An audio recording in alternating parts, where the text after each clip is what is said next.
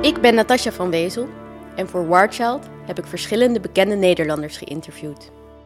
Zij vertellen hoe oorlog hun eigen leven, dat van hun ouders of grootouders, heeft bepaald.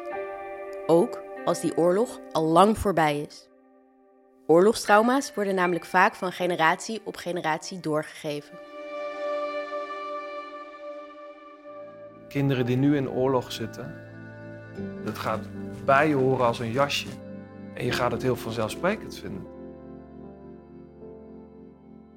Laten we die kinderen zo snel mogelijk zorgen dat ze hun eigen jasjes kunnen uitzoeken en dat kunnen omdoen en kunnen groeien tot een, een persoon die los staat van oorlog. Hoe sneller je daarbij bent, hoe eerder zeg maar, in de lijn van generaties er vrijheid is.